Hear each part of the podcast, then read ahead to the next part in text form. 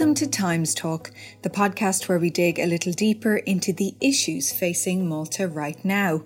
I'm Vanessa Keneally. On this episode, I don't have nothing, no home, no school, no paper, nothing, nothing. Sometimes I sleep outside. Here, this life, not good. Yes, I want to go back my country. After the death of Gambian construction worker Sarjo Conteh last week, we speak to African migrants about the reality of their working conditions. And and he was struggling breath wise and he was struggling to go back down. He was afraid to go back down. Despite being in the middle of a 190 kilometre charity run, we hear how Claudio Camilleri still found time to help a tourist in trouble.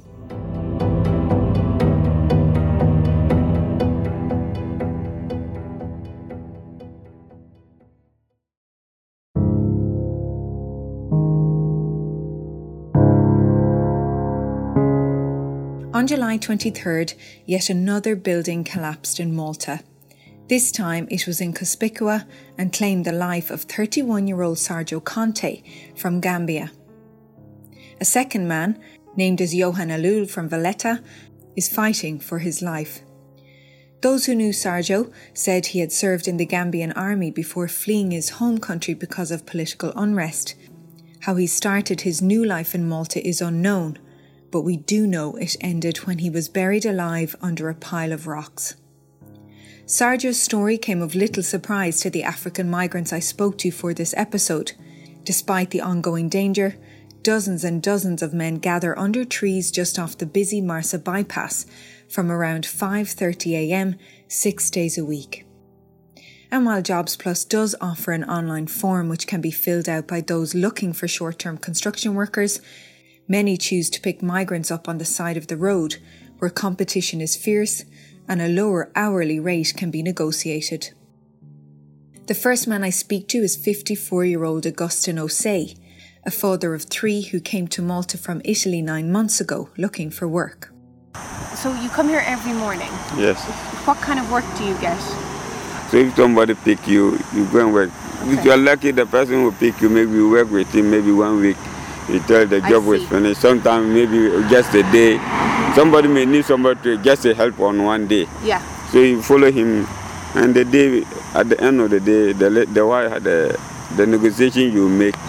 Okay. Then he pay you. Maybe somebody will tell you I'm I work for an hour, maybe the hour 50 euro, uh, 50, 5 euro. 5 euro an hour. And somebody also tell you 4, 50, 4 euro 50, 50 okay. cent per hour. Wow. So it depends on the person yes. you get how many days a month would you get working, maybe? That is, uh, it depends. Okay. Sometimes you get somebody will pick you the whole week. He can work with you. Somebody who can work with him two weeks. Somebody also will pick you. You just go one day. The, the job will finish, mm-hmm. and you have to come back here again the yes. following day. Yes. For me, it's only Sunday that if I don't have work for Sunday, even if I'm working for Sunday, I have to go to church. Yes. Okay. For that one, it's my policy. So okay. even if you want to employ me permanent, I will tell you for Sunday, okay. I don't work. Yes. And how much is your rent? It depends on the place you are living. Okay. For me, my place, we are just a small room. We have three bedrooms. I think three bedrooms. So, okay.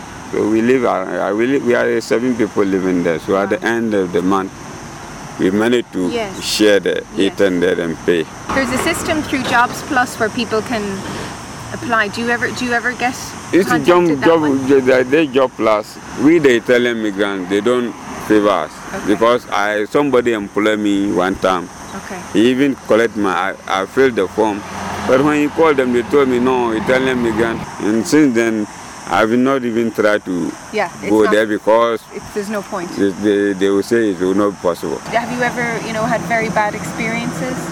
Sometimes you, somebody will pick, even the way he will speak to you, you feel bad. Sometimes you, you see somebody will be kind with you. Even somebody will meet you, you will not work with him, but the way he will encourage you, you will feel. But somebody also will be working with you, even upon all your effort helping him, the way he even speak to you, will be discouraged. Yeah. So the world is just like that. Yes, the, the world is just like that because nobody will see you and be kind with you. Some, somebody will just see you like that. You haven't done anything to him, but he will hate you. But um, you have to forgive it. You have to forget and move on because you can't keep it on your mind always. Yeah. Okay. You have to just ignore it Yeah. and move on with your move on. In home, I was, I think I was, I was better because I was businessman by then, travel up and down. And what business did you have? You see, What business? I was, I was dealing with mobile phones. I see. I was a businessman by then. Okay. One day I'll go back and stay home because I don't, I don't think I can live all my life outside.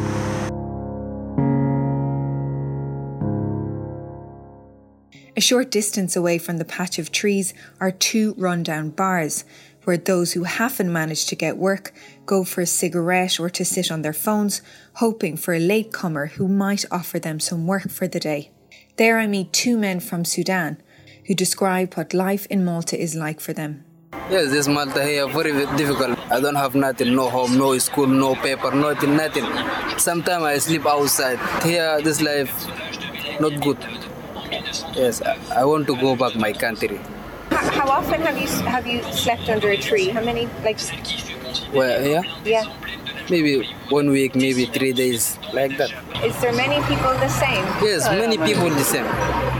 Many people here. And were you told it would be different in the EU? Did you think it would be easier to get papers and Yes, you give me people, this very easy, but you don't give me. I do interview, second interview. Until now, I don't have nothing. how much would you earn a month? How much money a month? 300, 400, 600, like this. It's not enough though. Yes, not enough. for this. Okay. Okay. So you hope to get home. Yeah. Here, this life, not good. Yes, I, I want to go back my country. Sitting beside him, his friend tells me about his experience. Now we stay two two years stay in Malta. Yeah. Now we stay in Malta two years. Now it's different. No give me paper. You give me paper, you stay. And you, you both came through Libya Yes, by boat. Yes. and it was difficult. Yeah, difficult. Too much difficult. But difficult. Libya good. Not just like Malta. Libya is better than Malta. Libya very good for Malta. You know, Libya me I work, I do anything I want. But here I don't have work. I don't have nothing. I go any place, you tell me you don't speak English good, no have work for you. No do this this is not life. This is not life. Do you come here a lot? This cafe? Yes, yes. You come here. Every day I see. You come here after they looking job. Okay. Yes, come after they looking job. Okay. So you could be, be picked up from here as well. Sometimes here, sometimes. Yes, sometime here, sometime here. Not every day come here. Yeah. Sometime here. It's looking job. And is there a lot of competition amongst people looking for work? Yeah, too, too, too much people like this. Yeah. Yeah. Yeah. It's now it's difficult. It's Corona. It's come. Yeah. Yes, no work, no no exist, no work, It's even harder. no phone, house, no. Yeah. Do you, do you feel do you feel Malta is safe for you when you have to sleep out under a tree? Is it dangerous at night? Yeah, no no have work is dangerous. You you need you need a house, you need it. you need to sleep. No have no have work is difficult. Yeah. No have paper. You have paper, you go company found work. Yeah. No give me paper, no have work. Okay. Yeah, yeah, yeah it's difficult. Still to come, seeing the satisfaction also in their in their eyes for us is you know what, what it, it, it seals the deal you know he spent 35 hours running around Malta and Gozo to raise funds for migrant education. We speak to Claudio Camilleri about the highs and lows he faced along the way.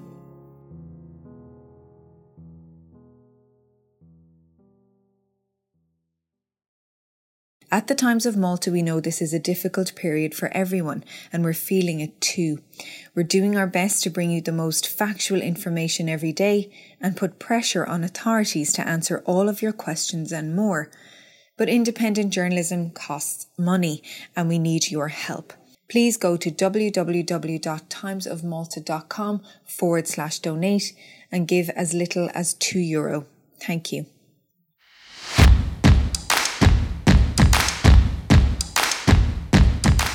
Two weeks ago, I spoke to Claudio Camilleri. He and his running partner Patrick Tabone were planning a 190 kilometre ultramarathon around Malta and Gozo, and last weekend they completed that goal. So, how did it go? Congratulations. thank you so much thank you so much i appreciate How are you feeling? I'm feeling good, actually. Um, uh, so obviously mentally in very high spirit, and um, physically, I mean, uh, we're we're we're in a good state. You know, a few aches and pains, but otherwise, um, thankfully, we're in we're both in good shape. So tell me, talk me through through uh, the early hours of July 25th when you headed off. It's not an easy night um, because you know trying to sleep at seven o'clock uh, at night is first of all awkward, but secondly is also um, the adrenaline is already high. So you know tossing in the bed, waiting to for the time to pass by, not looking at the watch, so that you know you don't start panicking that you're not sleeping enough. but anyway, at some point in time, I managed to doze off. Woke up at about uh, two o'clock. Um, um, got ready and uh, headed down to to Sliema. There were already a few people, some some family and, and friends that were waiting for us over there. We talked i mean we talked a couple of weeks ago while you were while you were um, preparing. Tell me um what you know back then you said the mental challenge would be the hardest and the heat. H- how were both of those things on the day um yeah the the mental starting from the mental challenge i mean uh, nothing came by surprise in the sense we hit some we hit a few lows during the run um, particularly in, um, from, from my point of view, at least um, in Gozo, the last part of Gozo, because the elevation, the terrain, and the heat all came together at once. Um, but we also uh, met some. Uh, we met an, an, old person in distress between uh, Ramla Bay and Marsalforn, which had us stop for 15 minutes. Uh, thankfully, we had another runner with which was with us who stayed on with this person. Um, so what um, happened? Can you describe it to me? What happened? Yeah, we arrived. Um, there are there are clay hills between Marsalforn and Ramla Bay, um, steep clay hills, and at the top of one of the hills, we met this this I don't know 65 year old um, foreigner who was crouched on the floor and um, uh, you know we we obviously stopped to see what was going on. Um, and it happened that he was trying to climb this. He managed to crawl up this clay hill uh, with, with with these shoes, which weren't which weren't trail shoes. Obviously, they were they were normal flat shoes, and he was struggling breath wise, and he was struggling to go back down. He was afraid to go back down. So you know, after 10 minutes, we tried to call um, uh, and get some support from from rescue. Uh, after 15 minutes, thankfully, one of the people who was running with us decided to to stay on, um, and Patrick and I continued because it was getting very hot up there uh, for all of us. Yes. Um, uh, uh, and uh, you know our, our, friend decided to to take one for the team, so to speak, and uh, stay with the man. Thankfully, he managed to guide him through a different passage down back to Ramla Bay, um, and from then on, this whole process of the terrain and the elevation came along. So you know that was a that was a bit of a moment. Once we finished Gozo, we started, um, you know, the darkness was approaching. To be quite honest, I always, I always thought I'm going to have some form of, you know, so I, I, had some concern about some sleep deprivation, but that didn't really affect me. Um, okay. So I, I, I managed to get through the night. We hit a wrong path during oh, the night no. in the worst position because obviously that's where you would miss the wrong path which is um, underneath Hagar Qim There okay. is um, a steep climb which is not even running it's practically rock climbing oh, and uh, when we arrived at the top we realized that we, we took the, uh, the wrong turn, so we had to oh, go back oh, down. and every step counts. Oh my goodness! yeah, so again, that was a mixture of um, uh, mental drain and and and actually energy energy drain. Yes.